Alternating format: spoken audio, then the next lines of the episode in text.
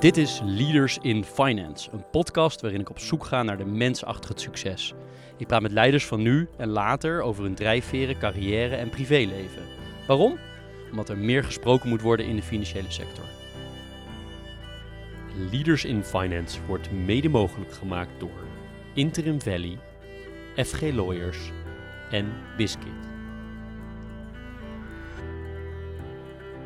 Welkom bij een nieuwe aflevering van Leaders in Finance. Voordat ik mijn gast van vandaag welkom heet en introduceer, wil ik u, jij, de luisteraar, vragen om Leaders in Finance op LinkedIn te gaan volgen. Zo krijg je altijd meer informatie over een nieuwe aflevering in je tijdlijn. Je vindt Leaders in Finance door Leaders in Finance in de zoekbalk van LinkedIn in te typen en vervolgens op volgen of follow te klikken. Dank. Deze week hebben we te gast Robin de Jong, Managing Director Detecting Financial Crime bij ABN AMRO. Welkom Robin. Dankjewel. Leuk dat je de tijd hebt genomen. Ik zal, jou, uh, ik zal jou eerst introduceren. En zoals je weet, want je zei dat je al wel eens geluisterd hebt naar Leaders in Finance, uh, spellen wij de naam van de gast, dus ook in dit geval. Uh, Robin is R-O-B-I-N en dan de, D-E. En Jong, J-O-N-G-H. Klopt helemaal. Robin groeide op in Zoetermeer. En nadat hij bedrijfskunde had gestudeerd aan de Erasmus Universiteit in Rotterdam, startte hij zijn carrière in 1996 bij ABN AMRO. Later studeerde hij ook nog naast zijn werk accountancy en werd daarmee registeraccountant, wat hij ook vandaag de dag nog steeds is. Vanaf 2012 vervulde hij diverse managementfuncties, zoals directeur risicomanagement van de hypothekengroep, directeur processes, processes and control retail en is hij sinds 2019 Managing Director Detecting Financial Crime, zoals gezegd. Waar hij, en mind you, indirect en direct leiding geeft aan 2700 mensen.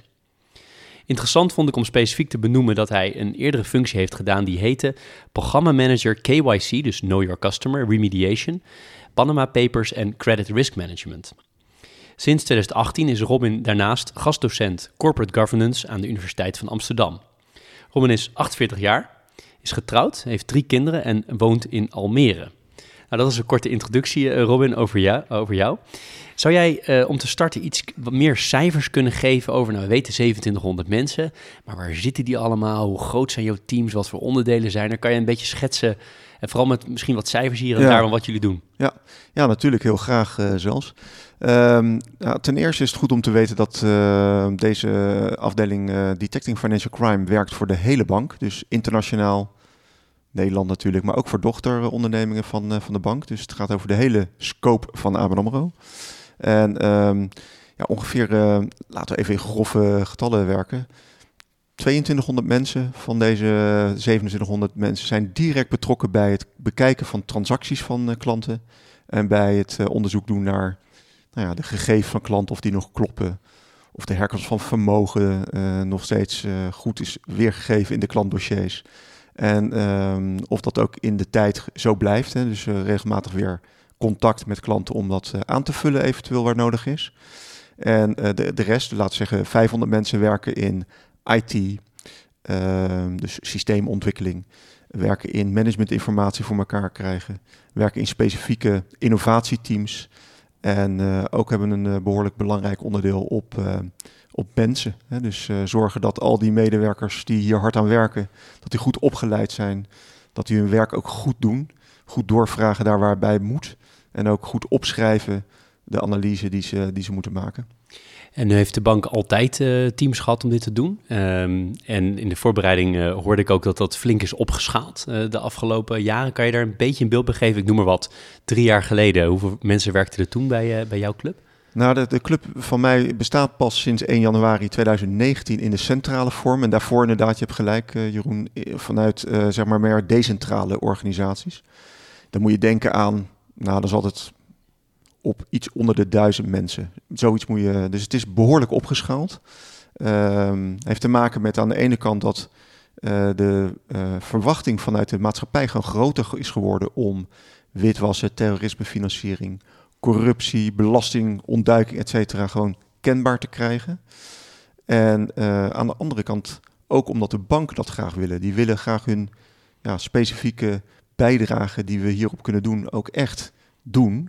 Dus dat, die combinatie daarvan uh, maakt dat, uh, dat we nu, uh, laten we zeggen, drie, vier keer zo groot zijn. En je bent niet de enige bank waar dat opgeschaald is. Hoe kom je in, in godsnaam aan zoveel mensen? Ja. Waar, waar haal je die vandaan? Want die kun je dus niet bij andere banken halen, want je hebt het ook nodig. Dus Ja. hoe doe je dat? Ja, nou dat is dus ook heel veel opleiden. Dus eh, goede mensen eh, zijn ook mensen die gewoon van nature eh, nieuwsgierig zijn.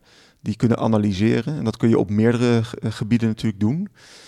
Op het gebied van witwassen, terrorisme, financiering, corruptie heb je natuurlijk wel specifieke kennis nodig. Dus we zorgen dat mensen goed geonboard worden, getraind worden.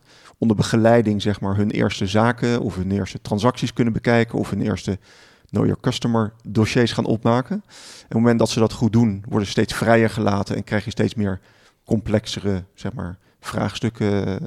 Er zit altijd een kwaliteitscheck op, want we moeten zorgen dat we dit goed doen.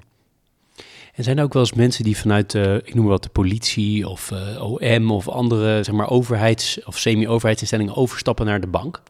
Ja, dat gebeurde trouwens daarvoor, eh, voor eh, dat eh, Detecting Financial Crime is gestart, gebeurde dat ook al. Hè? Dat overigens van banken natuurlijk ook naar andere onderdelen van, van de maatschappij. En dat is denk ik ook goed, want je hebt die mix nodig van mensen met verschillende ervaring, verschillende beeld, perspectief. In, in feite is dat ook een soort diversiteit. En dat gebeurt nu ook. Ja. Je hebt natuurlijk uh, ongelooflijke hoeveelheid uh, uh, backing op dit moment om dit allemaal te laten groeien. Dus ik kan me voorstellen dat er veel geld jouw kant op gaat. Um, wat dan ook altijd de vraag is, is van je kan het op heel veel manieren inzetten. Je kan extra mensen nemen, je kan heel erg focussen op uh, de, de tech-kant, de IT-kant of de datakant. Of je kan van alles doen, maar waar, hoe, hoe prioriseer jij wat je gaat doen? Lijkt me best wel, best wel lastig met zoveel mensen en zoveel geld. Nou, dat zeg je terecht. Dat is ook, uh, ook lastig om te doen, om te prioriseren. Um, we doen eigenlijk ook alles tegelijkertijd. Aan de ene kant zijn we bezig met het herstellen van het verleden. Op het moment dat we uh, klanten uh, gaan bekijken in, waar we in het verleden te weinig hebben verzameld en moeten aanvullen, ben je bezig inderdaad met dat herstel. Dat is vaak echt mensenwerk, hand, handmatig werk, zeg maar, uh, analysewerk. En je wil ook voor de toekomst een duurzame, goede inrichting van je organisatie, van je processen en systemen hebben. Dus je bent ook aan het investeren in nieuwe dingen, innovaties, machine learning, data science oplossingen. Um, dus je doet eigenlijk de twee dingen, herstel naar het verleden en toekomstgericht goed uh, duurzaam neerzetten, doe je beide. Klinkt als wel de meest uitdagende job die je tot nu toe hebt gehad, of niet? Dat klopt helemaal, ja. ja absoluut. En, en waar zit hem dat met name in? Nou, ik denk de een paar aspecten kan ik wel benoemen. Eén is dat er die, die maatschappelijke verwachting is heel groot. En die wordt dan ook bijna wekelijks wordt die kenbaar. Dus ik heb veel meer te maken met uitleg geven aan ook buiten ABN AMRO wat we hierin doen. En dat betekent soms perscontacten. Dat betekent uh, dat je open wil zijn over hetgene wat je echt wil bewerkstelligen. Uh, naar binnen toe een, een team van 2700 mensen is voor mij ook nieuw. Ik was meestal bezig met kleinere teams met, uh, die je bijna bij elkaar kon roepen uh, door even over de gang heen te lopen. En dat gaat nu ook anders. Hè? Dus veel meer met um, video's maken, zeker in uh, deze digitale tijd met COVID-19. Maar ook uh, blogs schrijven om uh, de hele groep mee te nemen in de ontwikkeling die we als ABN AMRO hierin doormaken. En te zorgen dat zij heel erg verbonden blijven met het doel. Waarom doen we dit? Het is om de veiligheid van de samenleving een stukje te borgen. En het zou mooi zijn, en dat is precies waar ik, naar, ja, waar ik me op richt, is dat alle medewerkers met die purpose hun werk doen. En heb je nou het gevoel dat uh, los van de, de grootbanken, um, dat andere partijen, dus uh, fintechs, maar ook al echt hele grote fintechs, die ook misschien wel banklicenties hebben, dat die allemaal op dezelfde wijze met, dit, uh, met deze problematiek omgaan? Of zijn er toch nog soort van plekken in het financiële systeem die veel makkelijker zijn voor de, nou ja, voor de onderwereld, zeg maar, om doorheen te komen dan, dan de plekken waar bijvoorbeeld jij werkt? Nou, laat ik bescheiden zijn. Hè. Dus uh, ik vind het heel moeilijk om uh, over de andere bedrijfsvoeringen te spreken. Het voordeel van fintechs of big techs is dat ze vaak een systeem hebben of een IT hebben die nieuw is. Waar ze hun data ook nieuw hebben kunnen opzetten. En uh, geen last hebben van zeg maar nou systemen vanuit vroeger of databases die nog niet goed aansluiten. Dus ik denk dat iedereen wel zijn uitdagingen heeft. Um, Iedereen valt wel onder dezelfde wet en regelgeving. Hè? Dus op het moment dat je een financiële dienst verleent, dan val je onder de wet ter voorkoming van witwassen en terrorismefinanciering. En moet je voldoen aan het kennen van je klant. En dat zit daar natuurlijk achter. Dat zal voor niemand anders zijn. Dus uh, kijk, banken hebben natuurlijk wel een hele belangrijke maatschappelijke functie. En er wordt ook wel verwacht van banken dat ze klanten uh, in de breedte en ook in de diepte aan blijven nemen en ook blijven servicen. Dus wij moeten ook goed kijken naar onze bestaande klanten en nieuwe klanten, hoe we die goed kunnen bedienen. Ja, waarom ik het ook vraag is, kijk, uiteindelijk uh, criminaliteit gaat toch altijd naar de zwakste plek toe. Of het is net als water, het gaat naar het laagste punt. En ook in Europa um, zie je natuurlijk dat criminaliteit daar naartoe gaat waar het makkelijkste doorheen komt. Of dat Nederland is, dan is het Nederland. Of het is in, in Denemarken of in Baltische Staten. Of ik noem maar een paar plekken waar, waar dingen gebeurd zijn. Um, en ik kan me voorstellen dat de bank ook een lobby voert om te zorgen dat het overal gelijk is. Niet alleen tussen bedrijven, maar ook tussen landen. Ja, ja dat klopt inderdaad. Hè. Dus op het moment dat inderdaad een bank ergens in Europa of in de wereld hele lage uh, standaarden heeft om witwassen tegen te gaan, dan is dat heel erg kwetsbaar voor het opzoeken van, uh, van door criminelen om daar inderdaad geld naar binnen in het systeem te krijgen. Um, dus is inderdaad het met elkaar verbinden, netwerk creëren om dat te voorkomen, ongelooflijk belangrijk, maar ook daarmee ongelooflijk moeilijk. En want dat is een Nederland hebben daar nu net met de Transaction Monitoring Nederland met vijf banken een eerste mooie stap gezet om transacties te gaan monitoren over banken heen. Kun je dat nog kort toelichten? Dan hebben we gelijk een andere vraag van mij over. Wat, wat is dat Transaction Monitoring Nederland precies? Ja, dat is een, uh, een nieuw uh, bedrijf, uh, bedrijf wat is gestart door vijf banken. Door ABN AMRO, Rabo, ING, Volksbank en Triodos. Um, waarbij op een ja, gewaarborgde manier, zowel qua privacy als qua information security. Uh, data van transacties worden gedeeld, waardoor je veel meer kan zien over transacties over banken heen. En uiteindelijk met als doel dus om ongebruikelijke transacties te, te kunnen zien en te kunnen melden aan de Financial Intelligence Unit. Hè, wat ook de verplichting is vanuit de WWFT, de Wet ter Voorkoming van Witwas en Terrorismefinanciering. En daarmee kunnen we dus beter nog onze maatschappelijke nou, rol spelen om dus uh, nou, mogelijke rare transacties uh, te melden, uh, ongebruikte transacties te melden bij de overheid. Zodat zij opsporing kunnen gaan doen. En is dat, uh, dat TMNL nou iets wat helemaal vanuit de banken komt? Of is dat zeg maar een soort van, heeft de overheid of de toezichthouders erop aangedrongen om dat gezamenlijk te gaan doen? Hoe moet ik dat zien? Nee, het initiatief komt echt vanuit de bank zelf. Het is zeker met afstem in afstemming gebeurd. was ook nodig omdat ehm, wij als banken mogen op dit moment onder de wet tegen voorkoming van witwas en terrorismefinanciering geen outsourcing doen van de transaction monitoring. Dus we mogen niet aan een ander dit werk laten uitvoeren. Dat doen we dus nu additioneel in de transaction monitoring Nederland uh, opzet wel. Maar het is additioneel, want we doen nog steeds zelf als individuele bank ook het transaction monitoring gedeelte. En in de nieuwe wetvoorstel op de WWFT wordt voorgesteld om inderdaad wel te mogen outsourcen. Dus die afstemming is ook gedaan met de overheid om te zorgen dat dit soort mogelijkheden er komen. Dus er is goede afstemming, maar het initiatief ligt uh, vanuit de banken. Heb je een, beetje een beeld bij hoe het uh, in de wereld gaat, uh, zeg maar wat jij doet in hele andere landen? en, en daarbij de vraag, lopen we Nederland voor, lopen we achter, zitten we in de middenmoot? Nou, ik denk dat we trots mogen zijn op een aantal aspecten die we in Nederland heel goed doen. Transaction Monitoring Nederland is uniek in de wereld. Hopelijk gaat dat opvolging krijgen, zeker ook in Europa. Want het is aardig dat het met veel banken dan in Nederland gebeurt. Maar het is natuurlijk nog mooier als we dat over de landsgrenzen heen kunnen doen. Uh, maar er zijn heel veel landen die inderdaad naar ons toekomen, naar Transaction Monitoring, uh, TMNL toekomen. Om te vragen van hoe hebben jullie dat nou gedaan? Dat is één aspect dat nou, maakt me wel trots dat we dat hebben kunnen doen. Tweede is dat de publiek-private samenwerking er is tussen overheid en banken.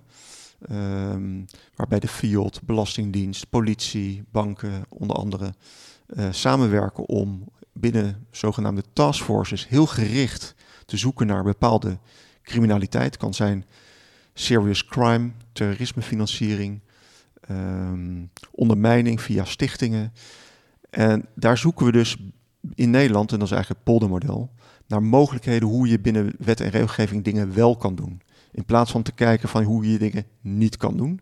En dat, dat is een tweede element die heel mooi is. Uh, en daar lopen we misschien uh, in, in, in, in dat opzicht een beetje voor op de wereld. Maar er zijn wel andere landen die ook heel veel, uh, heel veel doen op samenwerking. Engeland is daar een goed voorbeeld mee. Verenigde Staten is daar een goed voorbeeld van. Australië. En Nederland zit dan wel in die, wat mij betreft, in die kopgroep. Toen je aan deze baan begon, hoe, hoe, kwam je er terecht? Ja. Wilde je dit altijd? Of? Nou, eigenlijk een beetje de. de je, je refereerde al in de introductie daaraan dat ik uh, een keer programmamanager KYC Remediation ben geweest.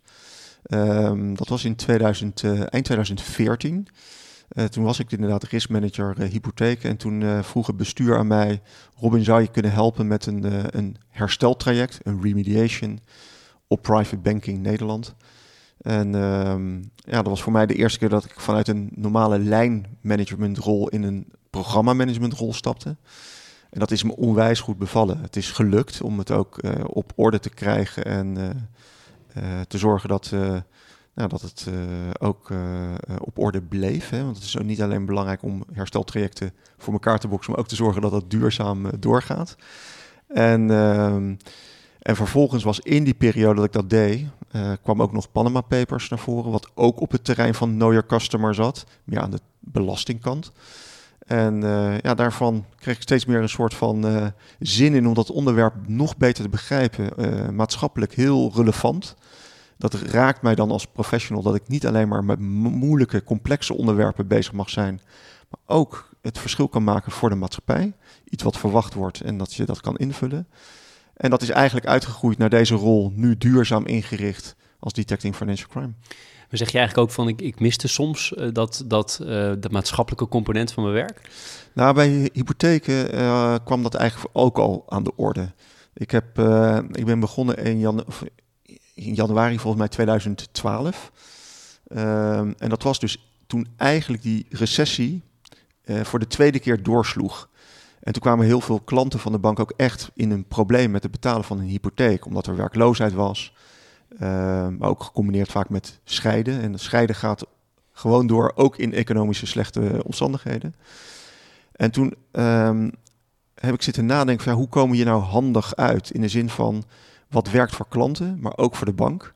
En dat is niet door mensen hun huis af te nemen, hun huis te verkopen, want de markt was er nauwelijks. Daar houdt de klant, maar ook de bank dus een enorme restschuld over. Dus hoe kunnen we zorgen dat we klanten in een huis laten wonen? En daar hebben we allerlei oplossingen zoals rentekortingen, uh, zeg maar, soort rentevakanties, uh, ook coaching. Hè, want soms zit het niet alleen op inkomsten, maar ook op uitgaven. En daar merkte ik dat ik het vanuit een bank het verschil kon maken naar klanten en ook naar de maatschappij, omdat het zo'n ontzettend groot thema was met die financiële crisis toen. Dus toen dit doorging naar meer het KYC-stuk, ja, uh, gaf mij dat een heel gaaf ja, uh, gevoel van ik mag nog steeds vanuit die bank gewoon het verschil maken, ook voor, voor de maatschappij. Ja, dat is goed om te horen. En ik kan me ook voorstellen, toen jij begon, uh, halverwege eind jaren negentig bij, bij ABN AMRO, die, die bank heeft natuurlijk een enorme transities, of meerdere enorme transities doorgemaakt tot aan hè, in staatshanden, opgeknipt, verkocht. Nou ja, we, kennen het verhaal, we hebben, veel mensen hebben de prooi gelezen uh, en later de Staatsbank, uh, twee boeken die dat, die dat vastleggen. Zie jij nou dat je in die periode, want jij kan er bijna, nou, bijna, vijf, bijna een kwart eeuw straks, of nog niet helemaal, maar bijna een kwart eeuw naar kijken, dat er ook meer ruimte is gekomen om meer naar die samenleving te kijken dan dat er was toen je startte? Ja, twee, wel twee elementen erin, uh, Jeroen. Want A, ik begon natuurlijk als, als jonkie, hè, dus dan heb je natuurlijk een heel ander uh, rol dan ik nu heb. Nu zit ik natuurlijk veel meer bepalend en mag ik veel meer uh, mede richting geven aan ja, de visie van de bank, hoe we dat ook invullen. dus ja, dat is logisch, maar dat was ook een echt een andere tijd inderdaad. Uh, ABN AMRO was toen natuurlijk nog heel wereld, wereldwijd aanwezig met heel veel producten, heel veel landen waar we in zaten. En die bank ziet er nu uh, uh, totaal anders uit. Heel erg gemoderniseerd, ook op het IT-vlak. Um, naar voren gericht, veel progressiever geworden. Vind ik ook heel fijn. Uh, duurzaamheid zit ontzettend in onze, in onze strategie. banking for better for generations to come zegt dat al helemaal. Dus ja, het is voor mij een bank die enorm veranderd is. Maar ik ben daarin natuurlijk ook zelf als persoon heel erg in mee veranderd en in me meegegroeid eigenlijk. Als we dan heel ver uh, teruggaan, uh, je bent in Den Haag geboren, opgegroeid in Zoetermeer. Uh, vanaf wanneer wist je van ik ga de, de bedrijfskant op? je bent toen bedrijfskunde gaan studeren, maar wanneer wist je ik ga ook echt in die financiële wereld werken? Nou, heel eerlijk gezegd wist ik dat toen niet. Ik ben bedrijfseconomie gaan studeren inderdaad toen in Rotterdam. Ook om een beetje die brede ehm, ja, inslag te hebben. Ik was niet zozeer bezig met ik wil per se daar of daar komen. Ik had eigenlijk twee elementen die ik heel leuk vond in de studie. Dus aan de ene kant interne organisatie, de mens, cultuur. Dat maakt voor mij altijd het verschil. Daar maak je het succes mee. En aan de andere kant die kosten- en winstvraagstukken. Dus meer die accountancy, die inhoudelijkheid, de complexiteit en ja, een beetje dat puzzelen en het cijfermatige. En dat heb ik eigenlijk mijn hele carrière ook samen steeds kunnen blijven verbinden. Dus aan de ene kant vind ik het leuk om de inhoud in te gaan en met, met mensen natuurlijk daarover te sparren. Aan de andere kant om mensen mee te nemen, te motiveren, te inspireren om nou, hard te werken voor iets waarvan je ook het gevoel hebt van ik maak er, ja, dat doet ertoe. En die twee dingen heb ik eigenlijk steeds uh, doorgezet. En dan nog in, in die jeugd, kan je er, wil je er iets over delen over hoe je bent opgegroeid? Ja, eigenlijk een hele ehm, traditioneel gezin zou ik zeggen. Uh, vader, moeder. Uh, mijn vader werkte bij onderwijs, cultuur en wetenschappen. Moeder was apothekersassistente. Ik heb nog een broertje en een zusje. Uh, hele prettige bloemkoolwijk. toen heette het voor mij niet zo, maar nu noemen we dat zo. Heel veel voetbal op straat met die jongens uh, waar ik toen heel veel mee heb gevoetbald, heb ik later ook een uh, vriendenelftal gehad. Tot, uh, nou, ik denk mijn 35ste of zo. Super leuk om met die jongens ook te blijven opgroeien. En elkaars carrière een beetje op die manier ook te kunnen volgen. En nou, op school ging het bij mij altijd best wel makkelijk. Zowel op de lagere school als op de middelbare school. En de studie ging eigenlijk ook wel best wel fluitend. Dus dat leren, dat studeren, het serieusheid gecombineerd met sporten, dat is een beetje wat ik, uh, ja, wat ik toen heel leuk vond. En eigenlijk, als ik nu nog naar mezelf kijk, nog steeds heel uh, graag doe. Beetje die balans zoeken. Van aan de ene kant serieus bezig zijn met je werk, maar ook gezin, ook sporten en, uh, en, leuke dingen doen. En over dat voetballen, waar in het veld stond je en wat voor soort voetballer was je? Ja, ik stond, ik, vroeger startte ik als, als spits. ik scoorde ook heel veel had ik een neusje voor. Ik weet niet wat het was. Een beetje Shaki in de wonderslof. Ik stond altijd op de goede positie, zou ik maar zeggen.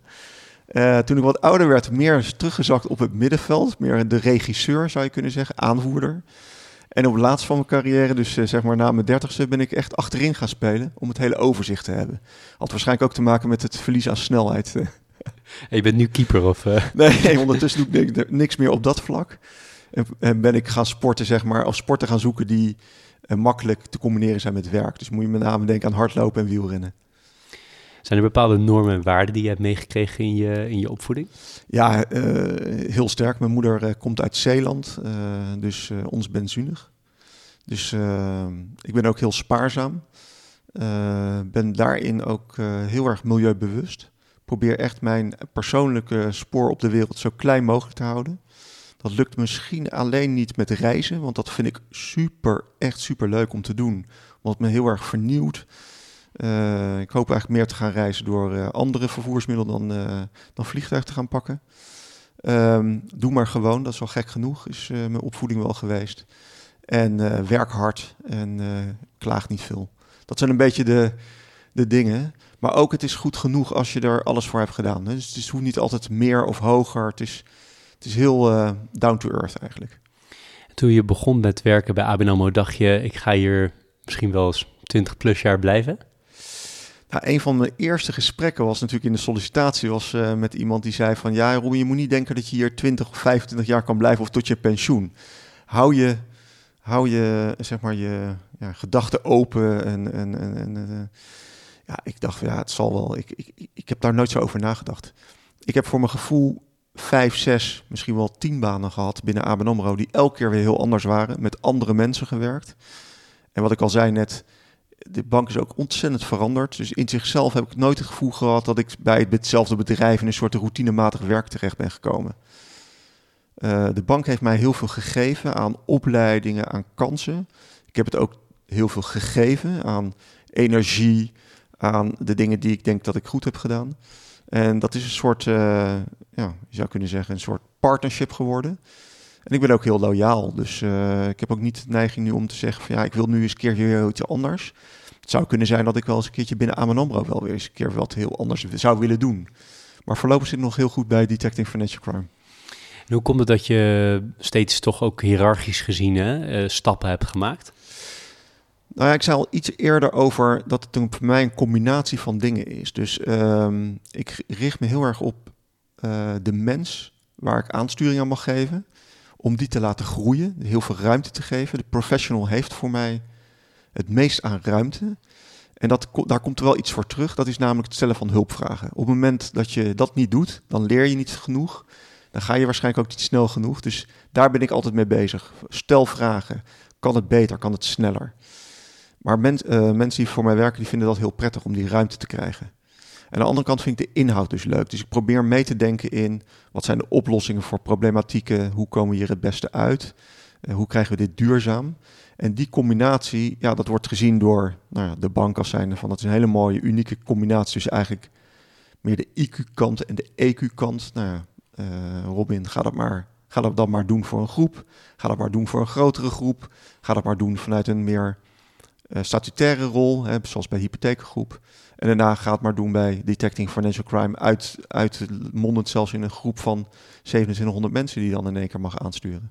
En aan de IQ-kant, omdat de EQ kunnen we straks ook nog over hebben, maar aan de IQ-kant ben je op een bepaald moment accountancy erbij gaan studeren, naast al een druk privéleven. Uh, ik weet niet of de kinderen er al waren, maar in ieder geval hè, er was een privéleven en, uh, en dan een drukke baan. Waarom dat?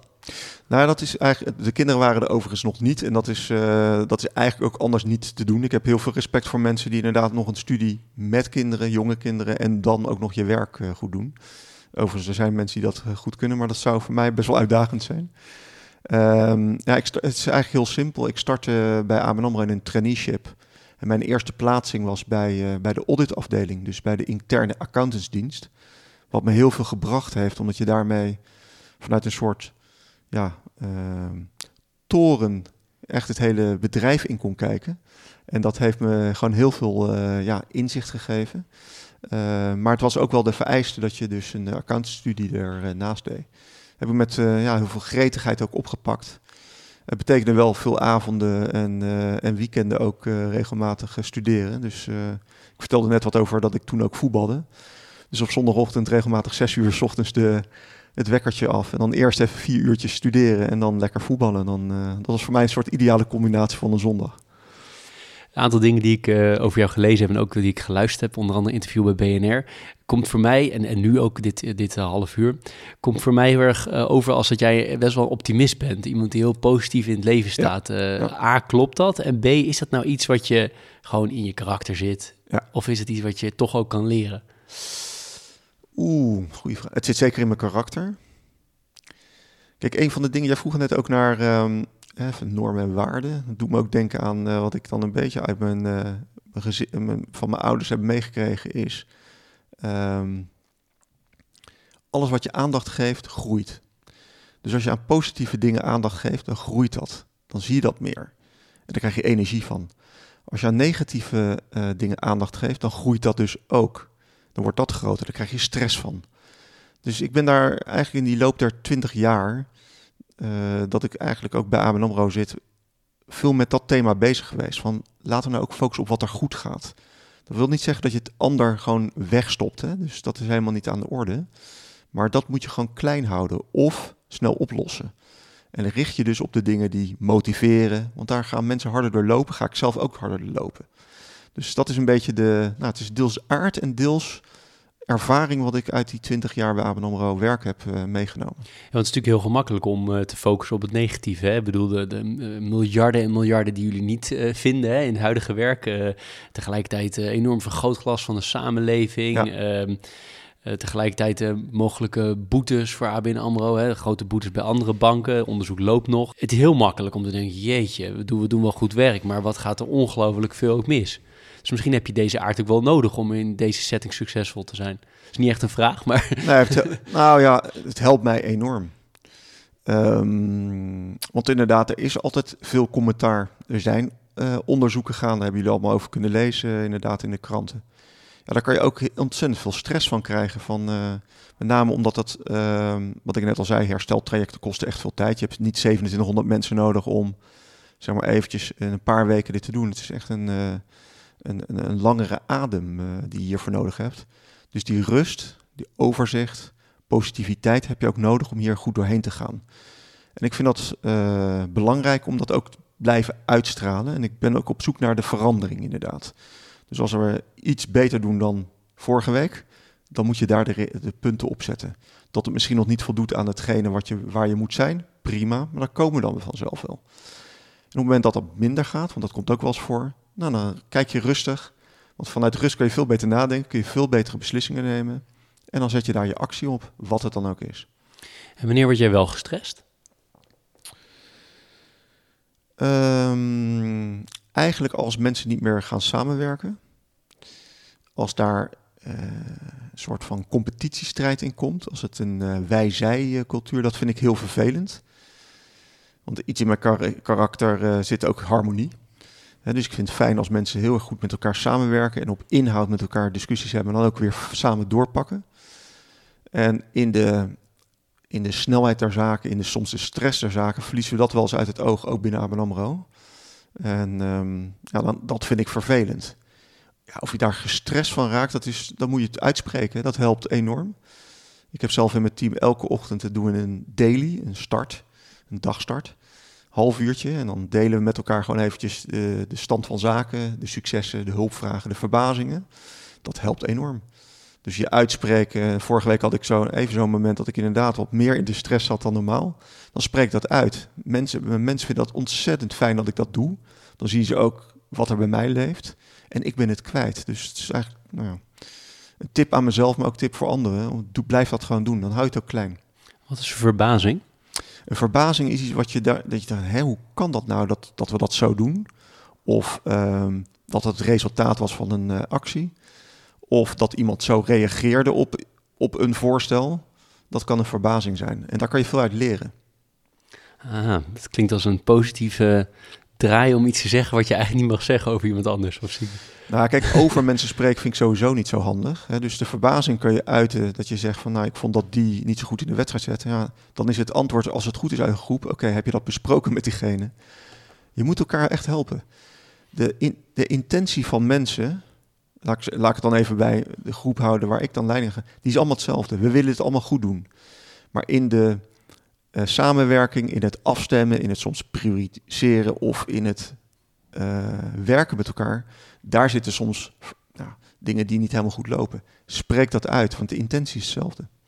Heb jij bepaalde mensen gehad in jouw, um, in jouw loopbaan, dan wel privé, dan wel zakelijk, dan wel met naam, dan wel zonder naam, die jou enorm uh, gemotiveerd hebben of geïnspireerd, of waar je zegt, die ben ik echt heel dankbaar, anders had ik nooit dit kunnen doen wat ik nu doe? Nou, dat is, dat is, de, namen noemen heeft geen zin, want dat is, dat is bijna iedereen om je heen. Dat, dit klinkt wat groot en dat misschien wat roze wereld achter, maar dat, ik vind dat echt zo. Ik vind, um, als, ik heb wekelijks heb ik een uh, uur een, uh, een koffiegesprek met zes willekeurige mensen uit het team, omdat ik ze natuurlijk ook niet allemaal ken. En ik kan even geïnspireerd raken door iemand die met volle passie praat over het werk wat diegene doet, die daar veel beter is dan ik, want die is daarop op, in opgeleid. En wat ze heeft of hij heeft gezien in de portefeuille of een transactie. En hoe daarmee om is gegaan, dat vind ik echt super gaaf. Daar krijg ik ontzettend veel energie eh, van. Maar ik krijg ook ontzettend veel energie van de leidinggevende die ik heb mogen hebben, eigenlijk mijn hele carrière door. Want die hebben me steeds ontzettend veel tips gegeven. Geef eens een voorbeeld van tip of feedback die je hebt gehad die echt veel impact heeft gehad. Nou, ik denk in het begin van mijn carrière heel erg geloof in jezelf, zelfvertrouwen. Robin, je bent jong, maar je hebt wel gewoon deze rol. Je bent nu verantwoordelijk voor vijf mensen. Dus geef ook aan wat ze uh, beter moeten doen. Of uh, geef gewoon richting aan, uh, aan het team. Ik vond het begin een beetje, ja, ja, maar die mensen weten al veel meer dan ik. dus zelfvertrouwen. Um, ik denk later op op kennisgebied, uh, op riskmanagement, risicomanagement, om daar echt uh, veel beter in te worden. Een leidinggevende gehad die echt al heel veel jaren bij heel veel andere banken en creditcardmaatschappijen had gewerkt. Dus dan krijg je heel veel inzicht, heel veel doorzicht, uh, eigenlijk wijsheid ja, toegeschoteld, zeg maar. Ja, en waar ik nu in, in de huidige baan heel veel aan heb, is ik, ik rapporteer nu iemand uit, uit de executive committee. En die heeft zoveel ervaring, veel meer ervaring met ook alle stakeholders, uh, of het nou toezichthouders zijn of binnen de bank zelf, hoe dat allemaal werkt. Ja, daar heb ik heel veel goede gesprekken mee van hoe ga je daarmee om? Wat is nou een uh, goede manier om iets naar voren te brengen? Hoe doe je dat tijdig? Want vaak gaat het toch over tijdigheid, transparantie, jezelf zijn, authentiek. Uh, en, en geloof in jezelf om dat ook naar voren te brengen. Dat zit bij mij een beetje, ik ben ook wel voorzichtig, bescheiden. Kom maar iets naar voren. En daar, daar stuurt hij mij nu ook op. En dat is super fijn. Die bescheidenheid is een mooi bruggetje naar iets anders wat ik uh, met je wilde bespreken. Namelijk in deze rol sta je natuurlijk meer dan ooit in de spotlight, zowel intern bij de bank, maar ook naar buiten toe. Het, het, feit dat wij met elkaar praten, maar ook het feit dat je bij BNR optredens doet en dat soort dingen. Uh, hoe vind je dat? Ik vind dat, um, ik noem het altijd de pareltjes uh, die je aan het rijgen bent in mijn, uh, in mijn leven. Dus ik zie het als enorme mooie ervaringen.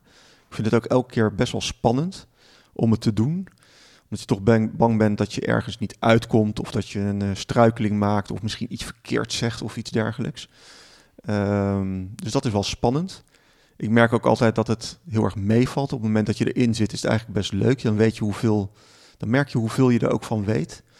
Uh, met welke intentie je spreekt. En dat positivisme en enthousiasme komt ook altijd door. En dat vind ik altijd leuk. En achteraf is er een soort uh, ja, energie die dan vrijkomt, hè? adrenaline die vrijkomt. Dus geeft ook altijd weer een lekker gevoel. Maar het is nooit normaal. Want het is niet mijn normale werk. Mijn normale werk zit natuurlijk op gewoon detecting financial crime en het team aansturen. Ik vind het dus best wel een mooi aspect uh, die bij het werk is gekomen. Maar nogmaals, uh, ik, ik uh, vind het ook best wel spannend. Een mooi verwoord. Als het gaat om beslissingen nemen, je moet de hele dag door hele kleine beslissingen nemen en nu dan hele grote.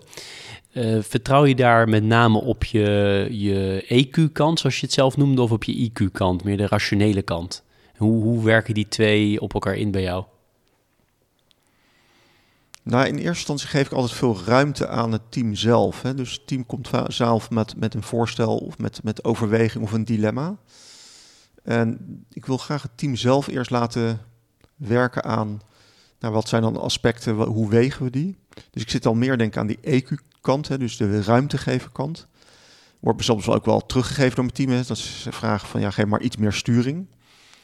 Um, uiteindelijk moet er een besluit genomen worden. En daar, dat als dat consensus is, en daar ligt al heel erg voor, vind ik het eigenlijk het meest eh, prettige. Uh, daar waarbij die genomen moet worden, doe ik het ook. Um, en die probeer ik dan altijd heel rationeel te nemen. Uh, dus op basis van voor- en nadelen. Maar heb je ook wel eens dat je denkt van dit, dit klopt rationeel wel, maar gevoelsmatig is dit niet helemaal lekker? Ja, dat is met name op het moment dat de timing, dat is eigenlijk een ander element. De timing is dan soms niet goed. Hè? Dus dan is dat misschien wel besluit wat gaat komen, maar misschien niet het moment om hem nu te nemen.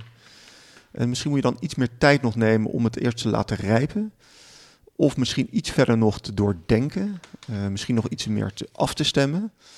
Ik vind dat zelf een, een, ding die ik wel de laatste misschien anderhalf jaar in deze rol ook meer heb ge, uh, geleerd. Van wanneer time je iets. Wees niet te vroeg, ook niet te laat, maar op het goede moment. Uh, bij uh, Leaders in Finance ook altijd een, uh, een teaser en een pleaser. Nou, de pleaser is altijd dezelfde, daar komen we zo op. Um, dat heb je ook voorbereid, het ligt al, al voor je. Aan de teasende kant ehm, heb ik opgeschreven. Uiteindelijk is het heel goed dat banken hun rol pakken in de portwachtersfunctie, zoals dat genoemd wordt. Maar uiteindelijk het is het detecteren van fraude een taak van de overheid. En ik had een klein mijn manier misschien veel te hoog over, maar even om een indicatie te hebben. Jij hebt eerder ook gezegd, er werken iets van 8000 mensen in Nederland op, op, op dit gebied, op, op uh, um, ja, anti-money uh, laundering uh, en, know your customer en alles wat daarbij komt kijken. Ik dacht, nou ja, gemiddeld kost dat 50.000 euro per persoon per jaar. Ik zeg maar wat hoor, ik weet niet of het klopt, maar met alle sociale lasten en kantoorplekken die we nu op dit moment niet nodig hebben, maar normaal. Ja. Kwam ook, en dan kom je op 8000 mal 50.000, 400 miljoen. het is een extreme kostenpost. En uh, de, de teaser is dan ook van goed dat er, dat er veel gebeurt, maar is het niet uiteindelijk toch de taak van de overheid? Laten we eerst zeggen dat het kennen van je klanten is sowieso een onderdeel wat bij een bank hoort. Hoort ook bij het vertrouwen die uh, klanten en ook de maatschappij hebben in banken. Dus dat is een element die hoort er gewoon bij. Ik snap zeker wel je teaser dat je zegt van ja, maar als je kijkt naar de transacties die jullie dan melden, is dat dan niet iets van de overheid? Maar toch is dat niet zo. En uh, de reden is dat wij kunnen als banken zicht hebben op de transacties van klanten op hun rekeningen. Dat kan de overheid niet. Die heeft die bankrekeningen niet. Dus het is een hele logische rol die bij ons uh, ligt. Um, we hebben wel een bepaalde rol. Hè? Dus wij zoeken ongebruikelijkheid op. Dus wij zeggen niet dit is verdacht. We zeggen ook niet dit is dus een crimineel. We gebruik, gebruiken het woord ongebruikelijk. Iets valt op. En dat geven we als een stukje informatie aan de overheid die daar dus da daarna veel meer dingen mee kunnen gaan doen. zoals het verdacht verklaren. Dat gebeurt door de Financial Intelligence Unit. Opsporing door politie, field, belastingdienst, et cetera. dus het is een hele logische, denk ik, keten waarbij wij deze rol hebben. De rol is nu heel groot. Het heeft ook te maken met het kennen van je klant en dus het goed op orde hebben van de klantdossiers. Wat klanten ook van ons mogen verwachten, want die willen zich vertrouwd voelen bij ABN. Ja, nog even erop doorgaan. Kijk, uh, uiteindelijk kan me voorstellen dat het is natuurlijk een, een, een, soort continuum van de bank doet alles tot de bank doet niks. En daar ergens tussenin zitten we. Want hey, ik hoorde jou in een ander, ergens anders ook al hebben over dat jullie dingen van de, de, de nou, de NOW-regeling aan het checken waren. Je kan ook zeggen, zoals bij belastingaangifte, als ik mijn belastingaangifte moet doen, staan daar allerlei dingen voor ingevuld. Dat is natuurlijk informatie die van de banken naar de fiscus gaat. Je kan ook zeggen, hier uh, overheid, Jullie hebben inzicht en krijgen jullie inzicht in alle data. Net zoals dat uh, de politie, uh, ik noem maar wat, uh, um, de telefoons kan aftappen als het moet. Of sms'jes kan lezen van mensen. nou, hier kunnen jullie overal bij. Hè, dat, dat, dat, dat verzorgen wij voor jullie. Succes ermee. Dat zou ook kunnen. Theoretisch kan dat zeker, maar ik, dit vind ik heel erg Big Brother is watching you als alle klanten, alle burgers uh, van Nederland continu onder een soort screening zitten van de overheid op hun betaalrekeningen. Ik weet niet of dat de manier is waarop we onze maatschappij willen ingericht hebben. Ik zou daar zeggen van nee. Wij hebben als rol uh, de poortwachtersrol gekregen, waarbij wij een monitoring kunnen doen op de rekening. En pas als er ongebruikelijkheid is, dan is het logisch om het aan de overheid tot eventueel verdachtmaking en uh, opvolging te laten komen. Ik denk dat dat nog steeds een hele logische inrichting is van, uh, van, uh, van dit model. En een Big Brother zit ik niet zozeer op te wachten. Aan de pleasende kant stellen we altijd dezelfde vraag. Namelijk, is er een bepaald boek wat je erg geïnspireerd heeft? En ik vind het ook leuk om te horen van, vind je het überhaupt leuk om te lezen? dat soort dingen. Ja. ja, ik moest er even over nadenken. Want ik lees graag, doe het veel te weinig. eigenlijk te druk met werk en andere dingen gezin, et cetera. Maar dat, is natuurlijk ook leuk. Maar één boek die me uh, ongeveer vijf jaar geleden heeft geraakt, was het boek van uh, Wim Hof. Dat heet Koud Kunstje. En um, waarom is, heeft me dat zo geraakt? Omdat um, hij inzicht gaf aan mij dat het menselijk lichaam zo ontzettend veel kan. En veel meer kan dan je zelf uh, denkt en weet. Nou, ik ben heel veel met mijn hoofd bezig. En ik ben wel, ik vind sporten heel leuk. En het gaf mij een soort inzicht in dat ik veel meer kon. Namelijk uh, via ademhalingsoefeningen en via kou uh, eigenlijk je prestaties kunnen verhogen. Nou, sindsdien ben ik, uh, ik woon in Almere aan water, daar ben ik heel gelukkig mee. Dus ik ga elke ochtend om zes uur sta ik op. Dan ga ik naar het water toe en dan ga ik even het water in om daar een soort duik te nemen. En dat is zo verfrissend, dat is zo lekker, dat is zo'n goede start voor de dag. Uh, een reflectiemoment, eigenlijk een soort hele actieve yoga. Dat ik Wim Hof nog steeds dankbaar voor ben dat, ik, uh, dat hij me daartoe aangezet heeft. En dat doe je het hele jaar door? Ja, dat doe ik het hele jaar door. Er zijn twee momenten waarop dat niet kan. Dat is als er ijs ligt. En dat is helaas uh, de laatste tien jaar of acht jaar weinig voorgekomen. En dan kan ik er niet in. en als er zwanen zitten. Want dan, daar ben ik een beetje bang voor. Dus dan ga ik het water niet in. En voorbeeld, uh, goed voorbeeld doet goed volg. Heb je ook al familieleden of mensen uit de, uit de wijk die met jou mee het water in gaan? Ja, de buurman doet het ook. Dus uh, iets later, die is zeven uur, uh, gaat hij het water in. er is twee huizen verderop, dus eigenlijk ook een buurman, die is ook meer gaan zwemmen. doet het met name in de zomer, viel me op. En aan de overkant, de buurvrouw doucht elke ochtend koud. Dus je krijgt toch een soort, ja, een soort olievlekwerking toch het idee dat vrouwen en kinderen nog niet, uh, nog niet meedoen. Nee, klopt. leuk, leuk. Is de, is de, de, je zegt het ook even een, uh, ik weet niet hoe je precies noemde, reflectiemoment geloof ik dat je zei. Ja. Uh, hoe, hoe, werkt dat precies? Nou, op het moment dat je het water ingaat, moet je heel erg je ademhaling tot rust brengen. Heel diep ademen. En dat geeft meteen al ruimte aan je, nou ja, aan je, aan je hoofd, aan je lijf. En dan ga, kijk gewoon even de dag door. Wat gebeurt er? Wat staat er voor? Wat kan misschien moeilijk zijn? Wat wil ik eruit halen? En ik zit er misschien een minuut in, maar dat kan in een minuut prima. Dus dat is een beetje dat reflectiemomentje. Daarna kom je het water uit en dan kom je eigenlijk in een soort lichamelijk reflectiemomentje. Dat je, je zeker in de winter als het water 1, 2, 3 graden is, dat je hele bloedomloop weer op gang komt en een soort restart van je lijf is. Ook dat is weer fijn om te voelen eh, en te realiseren dat je gezond bent. En je doet het moment van wakker worden en het water ingaan, doe je niks anders? Nee. Dus je zal nooit je mobiel eerst checken bijvoorbeeld, of iets Nee. eten, of je gaat gewoon direct het water in. Ja. En ik kan me voorstellen dat het nu gewoonte is geworden. Ja. Maar was het het eerste weken, maanden of misschien nog wel langer echt doorzet, discipline om het steeds maar te blijven doen? Nou, ik ben in mei begonnen en dan wordt het water steeds wat warmer. Dus elke dag was het een beetje, een beetje lekkerder. In de zomer is er dan niks aan de hand. En dat gaat ongeveer door tot een beetje deze periode. Dus in oktober naar 1 november toe. In één keer slaat dan het water op naar koud. En ik had toen zoiets, maar dat was meer vanuit een soort prestatiedrang, denk ik. Kijken of me lukt om de winter door te komen. En dat is me toen gelukt. En eh, volgens de volgende winter dacht ik, ja, maar het is zo lekker, het is me zo goed bevallen. Ik zet het gewoon door. En dat doe ik nu, eh, wat ik al zei, eh, wat is het, 4,5 jaar, eh 5,5 jaar. Ik ben even de jaren zelfs kwijt wanneer ik precies ben begonnen. En dan zit het echt in je systeem. Ja. Als jij een, een aantal tips of één of twee tips zou, zou mogen geven aan mensen die nu hun carrière beginnen in de financiële sector of überhaupt hun carrière beginnen, wat zou je ze dan meegeven? Nou, ik heb het eigenlijk al een beetje genoemd in, in mijn verhaal. Wees ontzettend nieuwsgierig en leer daarvan. En geef heel veel energie aan het werk als je het leuk vindt. Als het voor jou ertoe doet. Doe het niet vanuit een, tenminste vanuit mijn optiek, vanuit macht of vanuit geld of vanuit positie. Maar doe het om beter te worden. Doe het vanuit, gaaf, pareltjes rijgen aan je, aan je, aan je levens, eh, eh, zeg maar, kraal, kraal, als je het zo goed zegt. Maar dat, vind, dat zijn voor mij de motivatoren om dit zo te doen. En dan kost het eigenlijk ook niet extra energie. Dan heb je geen stress. En dan kan je dit werk hartstikke lang doorzetten. Je ziet ook heel veel trainees die nu starten en in, in de afgelopen jaren gestart zijn bij, eh, bij, bij jouw bank. Ehm, wat zie je met name niet goed gaan? In hun motivatie of hoe zij het, eh, hun carrière loopbaan benaderen? Mm, nou, ik ben al. Laat ik weer toch weer met iets positiefs beg- beginnen. Want ik vind dat heel veel jonge mensen ontzettend eh, snel en open en makkelijk communiceren en transparant zijn over hun werk en ook waar ze mee zitten. En ik heb nu meteen een paar mensen in mijn hoofd die ik natuurlijk, waar ik dan eh, ook mee eh, ja, te maken heb in mijn, in mijn werk. Dus ik ben daar ontzettend eh, blij om.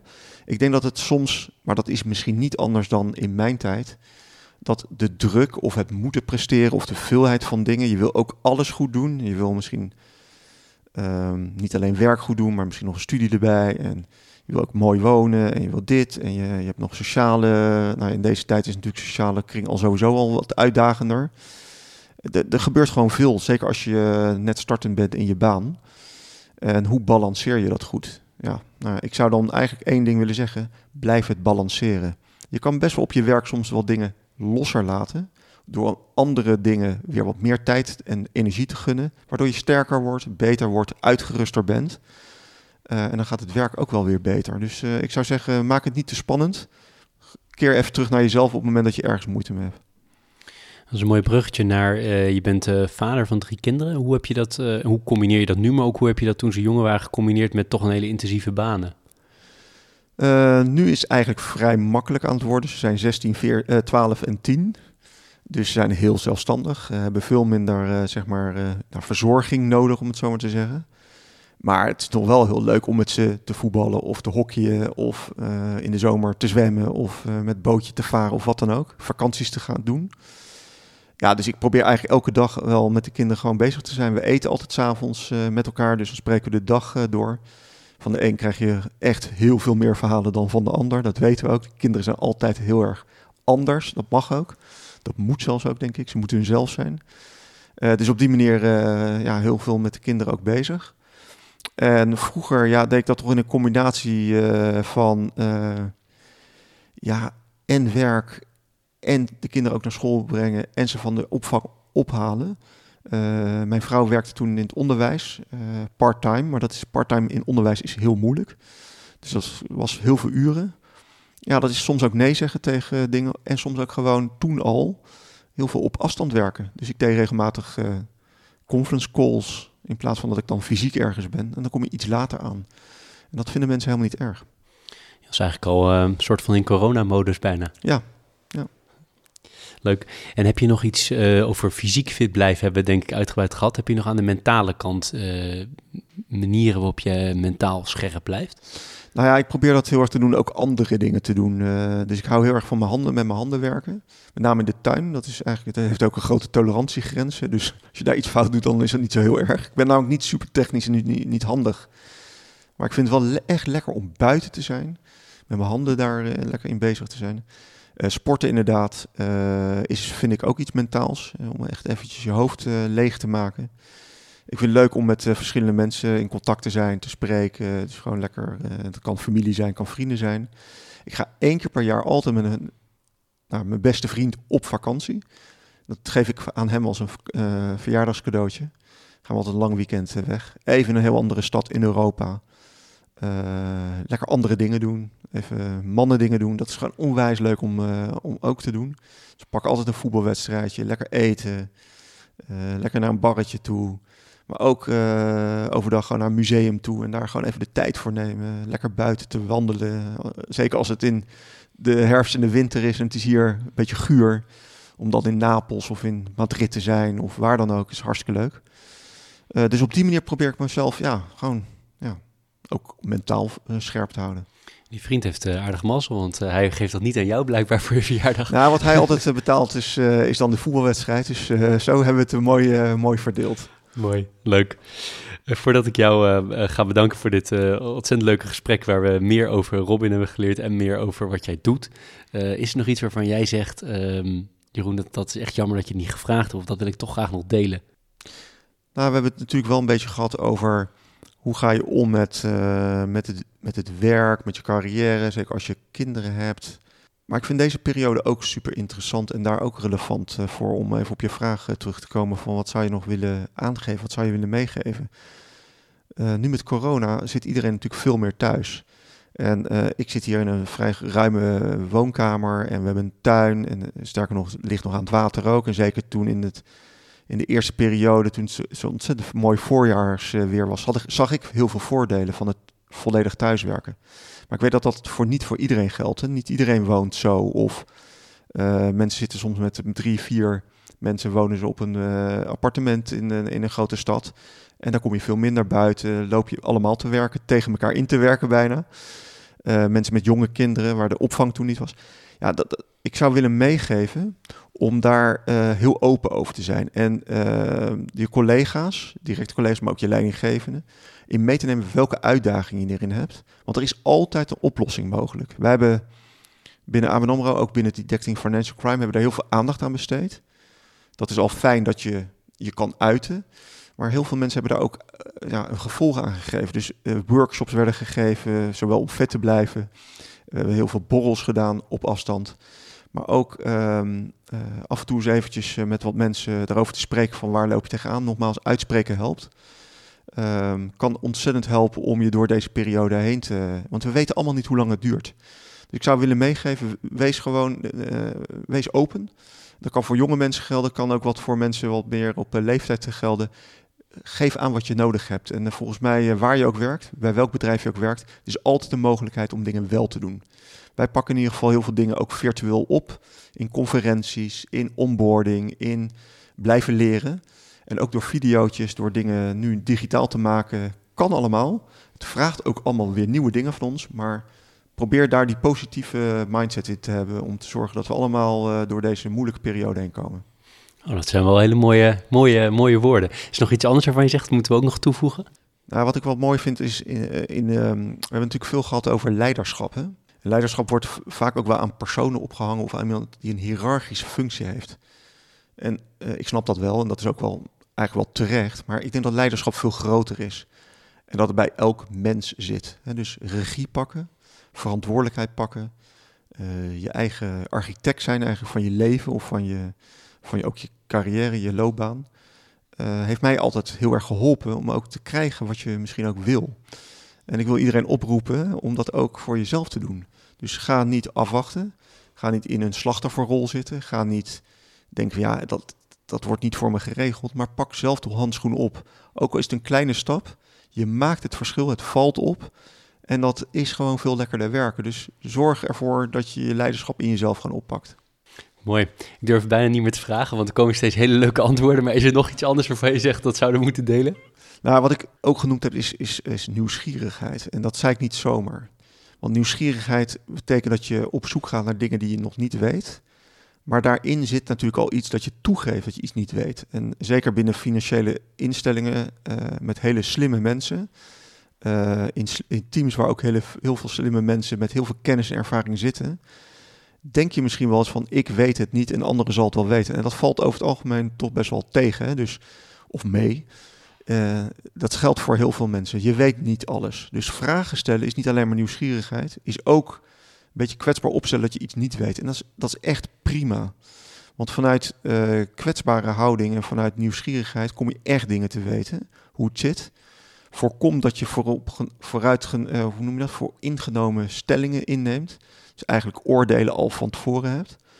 En uh, ik denk dat het zeker in de detecting financial crime wereld, waarbij aan de ene kant het onderwerp ontzettend groot is met 16 miljard euro aan nou, zwart geld, hè, wat, wat dan ingeschat is als wat rondloopt. Maar het leeuwendeel, 99% van natuurlijk consumenten, bedrijven en ook onze klanten, zijn natuurlijk gewoon goed. En doen het, hun zaken gewoon integer. Dus ja, ik, ik denk dat die uh, beetje uh, neutrale positie, nieuwsgierigheid en niet meteen oordelen, maar goed uitvragen, is ook voor Detecting Financial Crime enorm belangrijk. Hartstikke leuk. Heel veel dank voor je, voor je tijd. Ik ga het niet nog een keer vragen, dat durf ik niet aan. Maar wel hele mooie toevoegingen.